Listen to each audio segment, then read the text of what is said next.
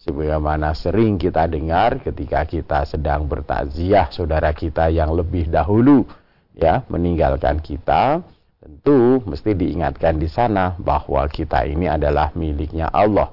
Innalillahi wa inna ilaihi rojiun gitu. Kita ini semua manusia itu adalah miliknya Allah. Dan kita pasti akan kembali kepada Allah Subhanahu wa taala.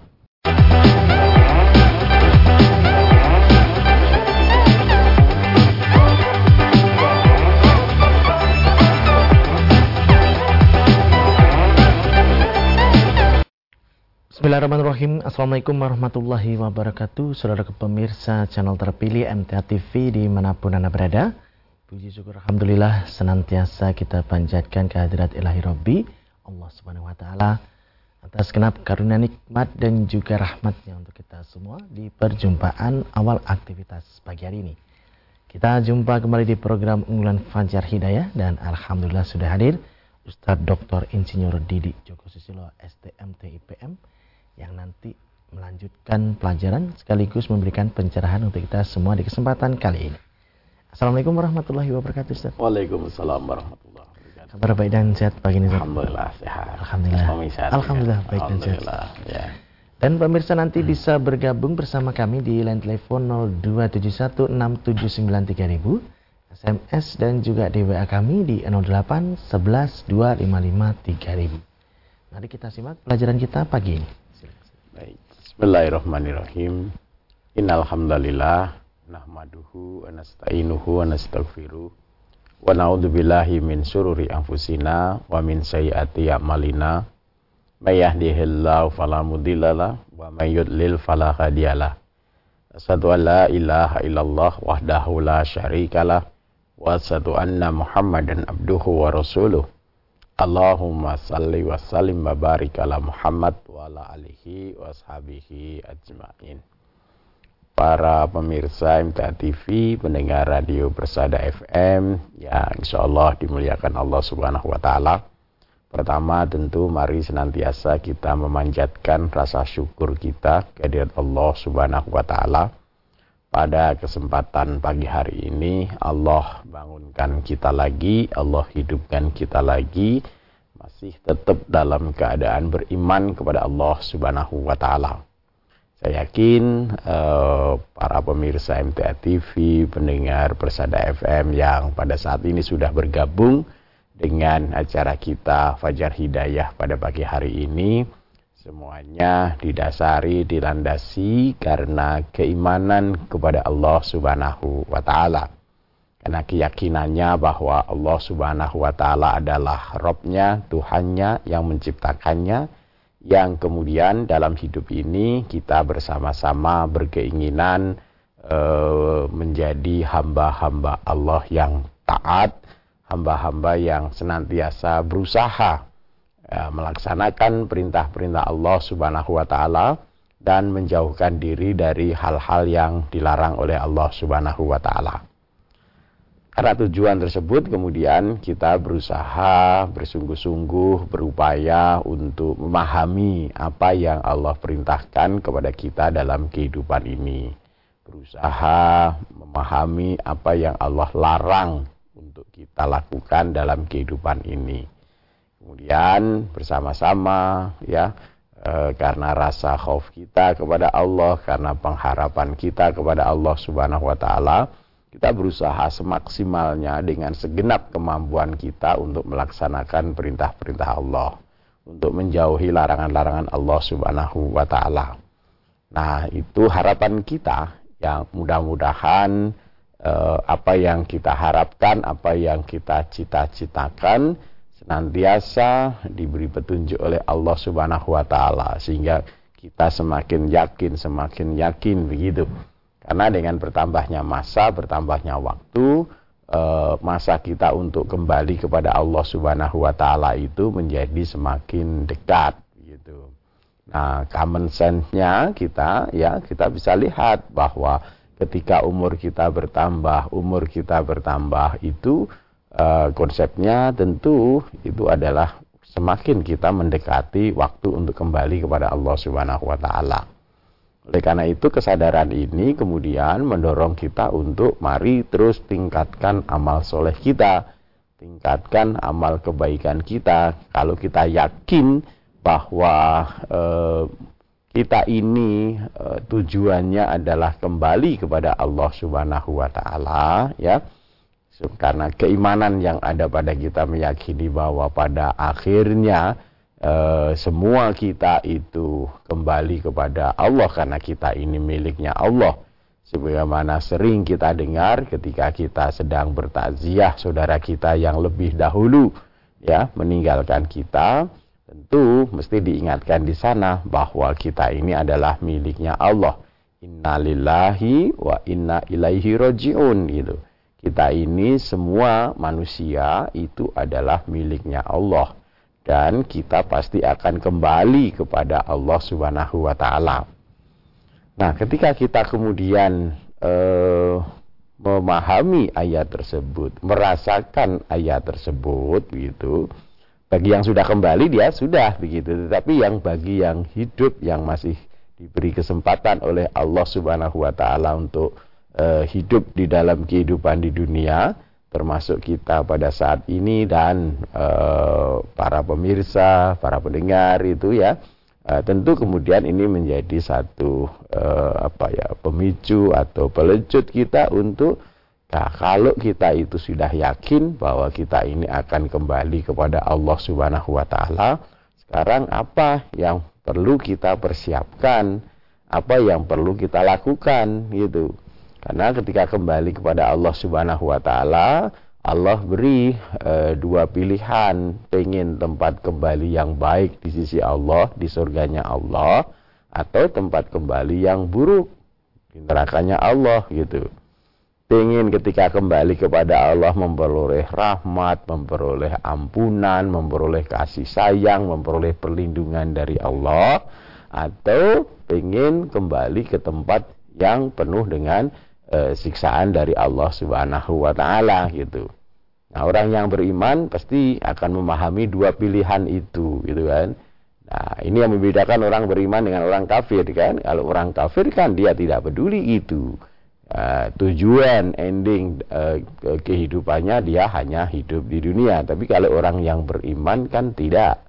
Karena keimanannya kepada Allah pasti akan menyangkut keyakinannya kepada hari akhir, keyakinannya ada padang maksar, keyakinannya ada perhitungan amal, ada timbangan amal dan seterusnya begitu. Nah, maka tentu kemudian mendorong kita untuk berusaha bersungguh-sungguh gitu loh. Kalau kita meyakini, kalau kita mengimani gitu loh. Kalau yakin, iman, kemudian tidak mau beramal, tidak mau bersungguh-sungguh untuk hari perjumpaan dengan Allah, maka tentu yakin kita, iman kita itu ya ada gunanya begitu. Ya kita kalau yakin ya maka kemudian e, diperintahkan oleh Allah Subhanahu wa taala sebagaimana di dalam Quran surat e, Kafi ya surat Al-Kafi e, Allah mengingatkan kepada kita ya. Kita bisa lihat di dalam e, Quran surat Al-Kafi itu surat ke-18 ya ayat yang terakhir ya ayat yang ke-110. Allah mengingatkan kita untuk mengambil pelajaran begitu. Artinya Allah dengan kasih sayangnya itu senantiasa memberi peringatan-peringatan ya melalui e, rasulnya melalui utusannya itu supaya kita tidak berhujah berargumen bahwa oh saya tidak tahu. Ya Allah saya tidak tahu kalau ada siksamu. Ya Allah saya tidak tahu kalau uh, engkau ada surga di sana. Sehingga kemudian tidak berharap sehingga kemudian tidak menjauhkan diri dari neraka tidak gitu. Allah di banyak ayat-ayatnya senantiasa mengingat-ingatkan kepada manusia sebagai bentuk kasih sayangnya begitu. Karena ketika di dunia ini Allah nggak mau maksa-maksa kita begitu ya. Kita manusia itu diberi kehendak gitu.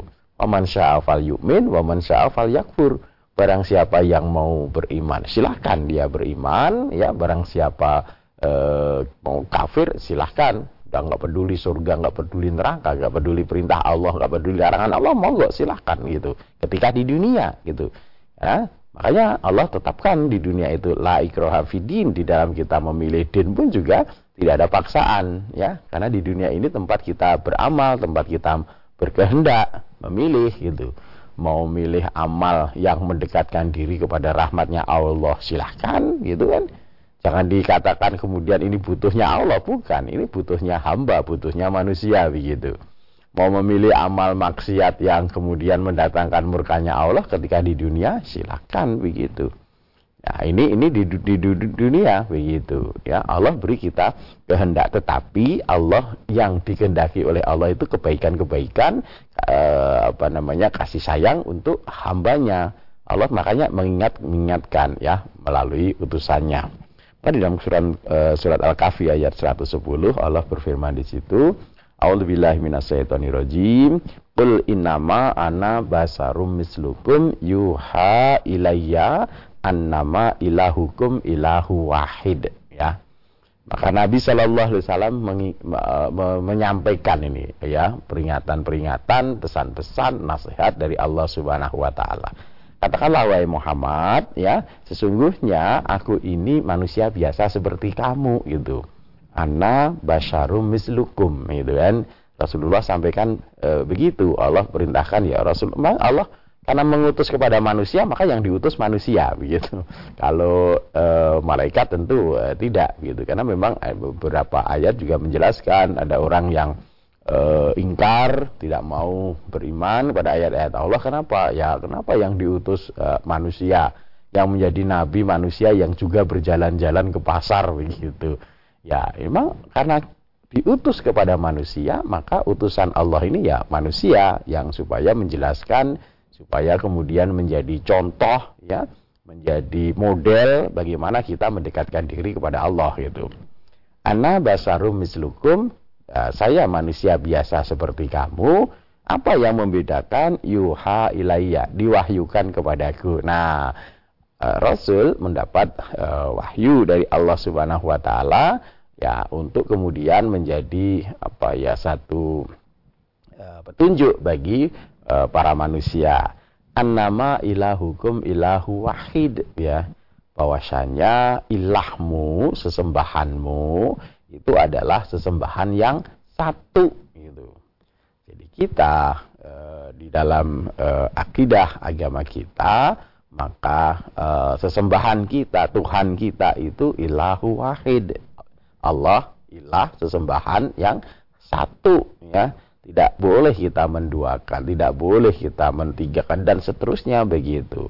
Dalam surat Al-Ikhlas kita juga paham di sana. Qul huwallahu ahad. Katakanlah bahwa Allah itu ahad ya esa begitu. Nah, ini yang kalau kita lihat di dalam tarikh yang kemudian dipegang kuat oleh para sahabat gitu. Apa pun resikonya ya, apa pun konsekuensinya dengan e, keyakinannya bahwa Allah itu ahad satu esa itu mereka siap menanggung e, segala resikonya untuk berkeyakinan itu untuk memilih akidah itu. Karena ini yang Allah perintahkan ya. Karena ini yang Rasulullah Sallallahu Alaihi Wasallam serukan bahwa ilahmu sesembahanmu adalah satu begitu. Maka famangkana yarju liqa'a rabbih ya itu. Kemudian ini pesennya message-nya ya setelah statement bahwa Allahmu ya Tuhanmu ilahmu sesembahanmu itu adalah Allah yang satu ya. Maka barang siapa yang berharap liqa'a rabbih nanti kembali bertemu dengan Robnya bertemu dengan zat yang menciptakannya. Apa yang harus kita siapkan gitu loh gitu kan? Apa yang kita bawa gitu loh. Apakah kita bawa ini kumpulin harta untuk nanti kembali ketemu dengan Rob kita gitu ya ini uh, kumpulin kekuasaan jabatan yang besar. Nanti kita kembali kepada Rob kita kita uh, bawa ya Allah saya pangkat saya ini ya. Golongan saya ini mungkin seperti itu. Maka Allah pesankannya bukan begitu ya. Jadi faman kana yarju liqa'a barang siapa yang berharap berjumpa ya dengan Robnya dalam keadaan baik gitu kan dalam keadaan selamat ya memperoleh tempat kembali yang penuh dengan rahmatnya Allah Subhanahu wa taala falyamal amalan solihan gitu. Maka hendaklah dia beramal soleh. Nah, ini yang patut untuk menjadi renungan kita gitu kan. Ketika kita sudah mengaku beriman, memperoleh nikmat hidayah iman dari Allah Subhanahu wa taala, menjadi seorang mukmin, menjadi seorang muslim, muslimah, ini sudah satu nikmat hidayah. Yang kemudian menyadarkan kita bahwa seperti tadi di awal saya sampaikan kita ini proses kembali kepada Allah. Proses berjumpa dengan Allah dengan Rob kita yang menciptakan kita. Nah kalau kemudian kita berharap pertemuan kita dengan Allah perjumpaan kita dengan Allah kita memperoleh tempat kembali yang baik yang tadi saya katakan Allah sudah kabarkan bahwa di sisi Allah ada tempat kembali yang baik jannahnya Allah yang penuh dengan rahmat, penuh dengan nikmat begitu. Kemudian di sisi lain ada tempat kembali yang Allah sediakan bagi orang-orang yang ingkar, yakni di nerakanya Allah. Nah, orang yang beriman tentu memilihnya adalah tempat kembali yang penuh dengan rahmat, penuh dengan eh, kenikmatan dari Allah Subhanahu wa taala di janahnya Allah. Nah, konsekuensinya kalau kita berharap itu fal yakmal amalan solihan, maka hendaklah beramal soleh. Nah, ini. Nah, jadi jangan kemudian kita berharap memperoleh tempat kembali yang baik tetapi enggan beramal, tidak mau beramal begitu. Nah, ini yang kemudian menyadarkan kita, ayo sisa umur yang Allah masih berikan kepada kita gunakan untuk meraih amal-amal soleh. Dengan segala potensi yang Allah anugerahkan kepada kita ya. Nah, kita sudah diperintahkan juga Allah juga sudah ingatkan kita ya.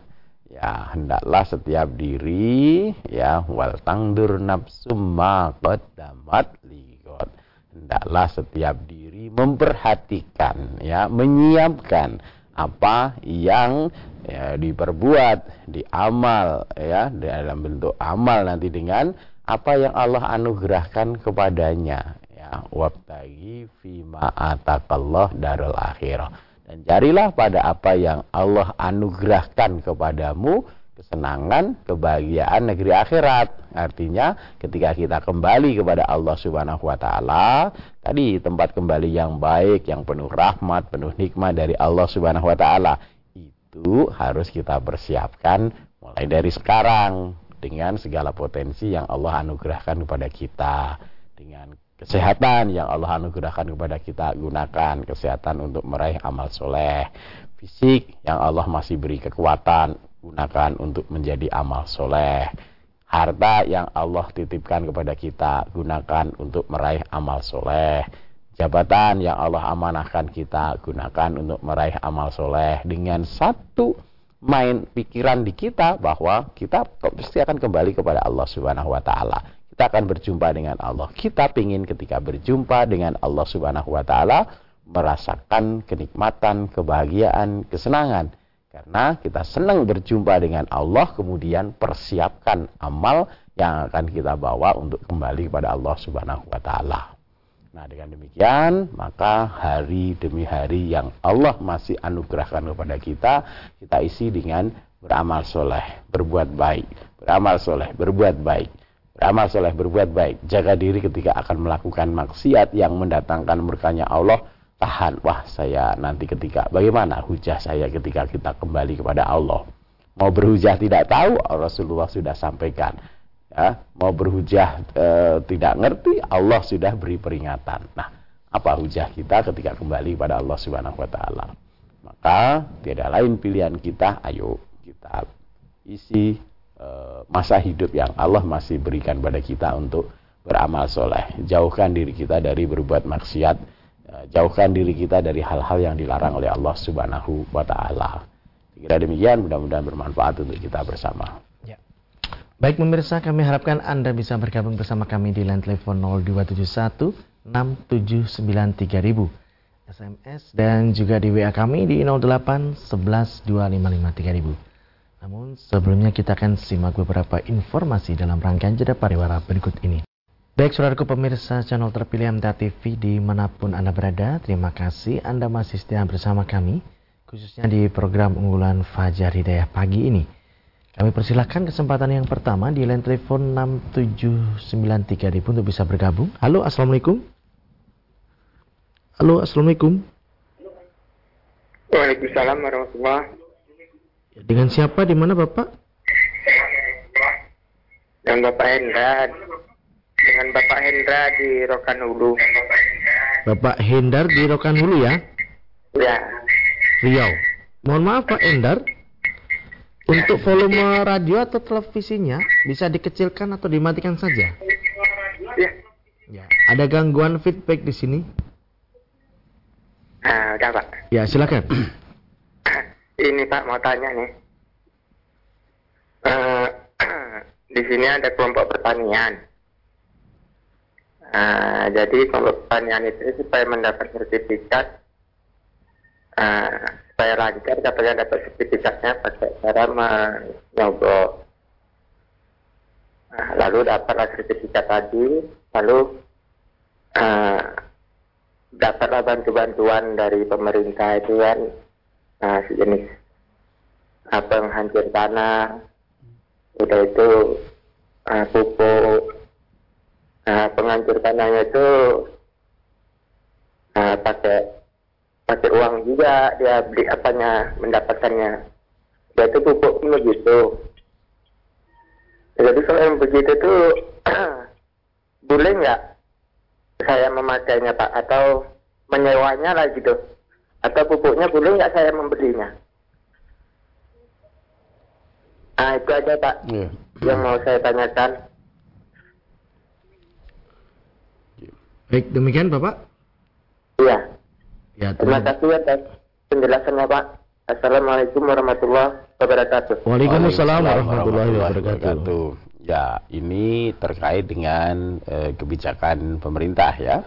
Eh, jadi ketika pemerintah menyalurkan tadi bantuan, apakah itu peralatan ataupun pupuk itu eh, disalurkan melalui tadi apa kelompok-kelompok tani begitu. Nah, jadi tinggal eh, ketika kelompok taninya itu memang betul kelompok tani beneran apa tidak kan begitu. Jadi kalau memang kelompok taninya itu adalah memang kelompok tani beneran dan dia memang eh, berhak menerima penyaluran dari pemerintah tadi, bantuan-bantuan eh, peralatan, bantuan dan seterusnya yang kemudian untuk penyaluran ini dipersyaratkan untuk mengurus sertifikatnya dan sertifikatnya sudah diurus kemudian persyaratan-persyaratannya sudah dipenuhi, tentu tidak mengapa, tidak masalah begitu. Tetapi kalau kelompok taninya ini kelompok tani akal-akalan ya kan, itu kelompok tani akal-akalan ya kita memang apa namanya cari keuntungan dari atas nama kelompok tani ya. Kalau yang begitu ya tentu tidak diperkenankan. Itu satu ya yang terkait dengan kelompok taninya. Kenapa? Karena eh, tujuan pemerintah bahwa penyalurannya itu dilakukan melalui kelompok-kelompok tani itu harapannya agar eh, program dari pemerintah penyaluran bantuan ini betul-betul sampai kepada yang dimaksud atau sampai kepada yang berhak begitu. Karena kalau misalkan bukan petani tapi dapat saluran eh, itu ngambil keuntungan itu kan tentu tidak pas, maka eh, disalurkan melalui kelompok tani. Nah, kemudian dari Bapak dengan kelompok tani itu kan urusannya adalah e, Bapak butuh pupuk. Ini di kelompok tani ada pupuk, maka kemudian Bapak beli pupuk dari kelompok petani tersebut ya. Nah, selama Bapak beli dengan e, berikan e, bayaran sesuai dengan harganya, kemudian Bapak dapat pupuknya tentu sah saja itu jual belinya Bapak ya halal. Bapak butuh peralatan, kemudian di situ ada peralatan, Bapak beli atau sewa, Nah, tentu tidak masalah di situ. Seperti itu, Bapak. Jadi itu eh, tadi ada satu urusan kelompok tani dengan pemerintah. Nah, tentu terkait dengan tadi keabsahan dari kelompok tani tersebut. Kalau memang memenuhi persyaratan-persyaratan yang dipersyaratkan oleh si pemberi bantuan, tentu ya boleh-boleh saja seperti itu. Tapi kalau tidak memenuhi persyaratan, kemudian membayar agar diberi, maka kemudian ya itu yang termasuk suap seperti itu. Demikian Bapak. Ya. Kita beralih di pertanyaan WA dan SMS Ustaz. Dari Bu Siti di Karanyar yang pertama. Ustadz, ketika sholat berjamaah di masjid dan makmum tersebut menjumpai imam sudah membaca Al-Fatihah hmm. sampai akhir tetapi belum amin. Yang jadi pertanyaan, sebagai makmum masbuk, ikut menjawab amin atau tidak Ustadz, sedang posisi makmum masih memakai mukena. Hmm. Yang kedua, beberapa waktu yang lalu, saya ikut sholat berjamaah dan imamnya sholatnya tamam. Di lain kesempatan, karena posisi saya di tengah-tengah jamaah dan tidak memungkinkan untuk keluar dari hmm. soft, ternyata imamnya sholat jamak kosor hmm. karena musafir, begitu imamnya. Nah, sebagai makmum, ketika imam salam, sebagian makmum, ya, hmm. sebagian makmum ketika imam salam, makmum tersebut melanjutkan sholatnya sampai empat rakaat karena bukan musafir. Ada juga yang ikut seperti halnya sholatnya imam, padahal bukan musafir Ustaz. Hmm. Kemudian setelah selesai sholat, makmum tersebut sholat lagi. Hmm. Mohon pencerahannya Ustaz, apa yang harus dilakukan ketika hal tersebut terjadi lagi? Ya. Bolehkah seorang makmum ikut sholatnya seorang musafir? Dengan catatan bahwa seorang makmum tersebut tidak tahu kalau ternyata hmm. sholatnya jamak kosor. Ya. Baik, yang pertama tadi terkait dengan makmum masbuk. Kalau ibu masih baru pakai mukena, kan ya belum jadi makmum gitu. Ya, belum jadi makmum masbuk gitu. Jadi ketika imam Wiril uh, Magdubi alaihim dolin, ibu masih pakai mukena, belum takbir uh, itu takbiratul ihram itu ya ibu belum jadi makmum gitu. Ya jadi ya tidak membaca amin begitu. Baca amin itu kalau ibu sudah takbir, ya takbir yang pertama, takbiratul ikram, kemudian menjumpai imam sudah baca ghairil maktubi alaihim dolin, maka ibu ucap amin seperti itu. Nah, jadi ibu masih pakai eh, kena, ya belum bertakbir ya tidak belum masuk ke dalam sholat jamaah tersebut. Itu sama juga misalkan kita ke masjid imamnya sudah uh, mulai Al-Fatihah, kita masih ambil air wudhu, imamnya baca ghairil maghdubi alaihim dolin, ya kita tidak sambil wudhu kemudian ucapkan amin, ya tidak begitu. Jadi yang mengucapkan amin ketika kita sudah masuk dalam uh, soft barisan itu, kita sudah takbir, imam sudah sampai uh, tadi ghairil maghdubi alaihim dolin, kita dengar itu, maka kemudian kita sambut dengan amin gitu ya. Kemudian yang kedua, kalau kita sholat e, di masjid, e, saya tidak tahu tadi pertanyaannya di masjid e, umum atau di masjid kita gitu. Kalau kita sholat di masjid kita sendiri, ya tentu kita kenal imamnya kan begitu. Nah, oh imamnya si fulan, nih si fulan itu mesti sholatnya e, karena penduduk di situ mesti sholatnya e, amam ya. Artinya kita ikuti. Tapi misalkan kemudian kita e, datangnya tidak pas di waktu e, awal sholat ya. E, misalkan di duhur awal sholat misalkan jam e, 12 katakanlah begitu. Kita datangnya jam 1 gitu kan.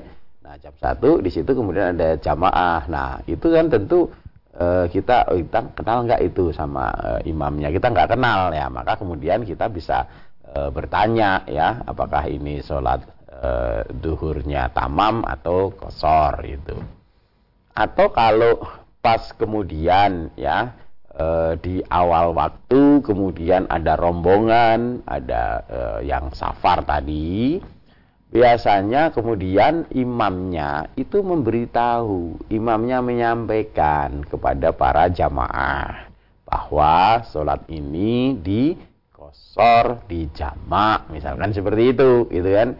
Jadi e, misalkan di masjid kita ada tamu, musafir begitu biasanya dipersilahkan untuk mengimami misalkan begitu e, sebagai penghormatan. Nah ketika dia mengimami maka kemudian dia imam ini akan memberitahu kepada para jamaah ini bahwa kami musafir, sholatnya akan kami jamak, kami kosor begitu. Nah sehingga para makmum nanti menyesuaikan soft-softnya juga ditata yang e, akan menjamak mengkosor ya merapat di belakangnya imam tersebut Kemudian yang eh, orang bukan musafir, penduduk di situ boleh mengikuti uh, sholatnya bersama imam yang di kosor atau di jama ya. Hanya ketika kemudian misalkan contohnya sholat duhur imamnya karena dia musafir di kosor maka dia sholatnya dua rakaat ya Nah, ketika imamnya sholatnya dua rakaat, salam, maka bagi penduduk setempat, orang yang mukim, karena dia tidak punya keringanan atau rusoh untuk dikosor, maka dia tambah dua rakaatnya, begitu. Jadi dia berdiri lagi, imam, tadi imamnya salam, dia berdiri nambah dua rakaat. Jadi luhur empat rakaat, baru kemudian salam, begitu ya. Jadi tidak kemudian dua rakaat ikut salam seperti tadi yang diceritakan yang e, karena dua rakaat salam dia kosor kemudian ngulangi sholat lagi. Oh, bukan begitu. Boleh dia mengikuti ya e, apa namanya imam yang tadi sholatnya dikosor sama-sama sholat duhur ya. Imamnya sholat duhur tapi dikosor kita ngikuti. Nah ketika kemudian imamnya salam kita berdiri nambah dua rakaat baru kemudian salam gitu kalau tadi misalkan uh, saya pokoknya ikut ya saya kira imamnya tamam ternyata kosor saya nggak tahu. Ya ketahunya ketika imamnya salam gitu. Loh ini baru dua rakaat kok salam. Oh imamnya mesti uh, dikosor karena beliau musafir. Nah saya bukan musafir maka saya tambah dua rakaat begitu ibu. Jadi misalkan posisinya ibu sudah di tengah nih gitu karena tidak tahu ya ikut bareng kemudian posisinya di tengah Ya tidak apa-apa. Jadi imamnya salam, ibu nambah dua rakaat lagi, baru salam. Ya nanti di sebelah sebelah ibunya, misalkan tadi orang-orang yang e, termasuk e, musafir, mereka akan salam, kemudian berdiri lagi untuk sholat asar kan seperti itu. Itu, itu ibu. Jadi tidak masalah itu. E, maka di sini yang penting adalah ilmu, ngerti gitu, ngerti aturan sholat ya berjamaah ngerti aturan bagaimana jamak, bagaimana kosor begitu. Kalau sama-sama ngerti enak nanti begitu, tidak bingung. Tidak seperti tadi sudah sholat dua rakaat salam, waduh ini sholatnya ternyata dikosor, padahal saya musaf, uh, bukan bukan musafir. Ulangi lagi sholatnya, nggak perlu begitu ya. Jadi ketika kita sholat bareng, kemudian imam kita e, dikosor sholatnya, maka kita tambah dua rakaat. Itu karena yang musafir punya keruksoh, punya keringanan, boleh mengkosor, boleh menjamak. Itu, itu ibu. Nah dengan ilmu, insya Allah kita tidak bingungan gitu. Ya. Berikutnya dari Bapak Mujahid di Merauke, Papua menanyakan, Ustadz melayat orang yang meninggal berpakaian hitam-hitam semacam seragam kerudung hitam juga apa ada dalilnya dan apa hanya tiru-tiru saja Ustaz? Hmm, ya, saya tidak tahu ya apakah eh, apa namanya eh, hitam itu untuk seragam layat itu seragam ya ya nggak tahu. Kadang-kadang kan hitam dipakai juga untuk seragam satpam seragam apa pengaman itu atau seragam tentara atau seragam apa begitu. Nggak tahu bapak. Jadi saya belum pernah menjumpai eh, bahwa kalau kita melayat harus pakai eh, pakaian hitam-hitam. Ya, mungkin budaya di satu daerah, di satu tempat mungkin bisa jadi demikian ya. Kalau namanya budaya ya eh, tidak ada apa namanya dalilnya dari din dari agama ya. Kalau budaya ya boleh dipakai boleh tidak seperti itu gitu kan atau kebiasaan ya. Kebiasaan ya selama tidak bertentangan dengan aturan agama ya mau dipakai boleh begitu. Nah kalau bertentangan dengan uh, tuntunan aturan agama ya ditinggalkan. Seperti itu aja gitu. Jadi kalau bapak uh, tadi mau atau istri bapak mau melayat pakai kerudung hitam ya boleh saja gitu. Mau ke, pakai kerudung warna yang lain ya boleh saja. Tidak ada larangannya dan tidak ada ketentuannya di dalam uh, agama kita gitu sama seperti kalau kita sedang berduka e, cita itu kan apa ya bunga-bunganya warna apa itu? E, warna apa itu yang kayak jingga gitu ya. Ya? ungu. Ungu mohon iya. maaf ya warna ungu ya. Jadi kalau ucapan duka cita biasanya bunganya warna ungu. Karena ungu menandakan eh, duka cita, ya itu kebiasaan saja. Kalau sedang bersuka cita warnanya merah gitu kan, itu kebiasaan-kebiasaan saja. Tidak ada ketetapan, eh, kami saya belum tahu ketetapannya di dalam eh, hadis-hadis atau di ayat-ayat ya belum belum pernah jumpai gitu. Demikian Bapak. Ya. Baik Ustaz, kami sampaikan terima kasih atas tausiah dan pelajarannya di kesempatan kali ini. Assalamualaikum warahmatullahi wabarakatuh. Ustaz. Waalaikumsalam warahmatullahi wabarakatuh. Baik saudaraku pemirsa channel terpilih MTA TV di mana pun Anda berada. Demikian tadi telah kita simak dan ikuti bersama program unggulan Fajar Hidayah pagi ini. Kita jumpa kembali di kesempatan mendatang dan saya Tommy Al-Fatani pamit undur. Alhamdulillahirrahmanirrahim. Subhanakallahumma wa bihamdika. Asyhadu an la ilaha anta astaghfiruka wa. Assalamualaikum warahmatullahi wabarakatuh.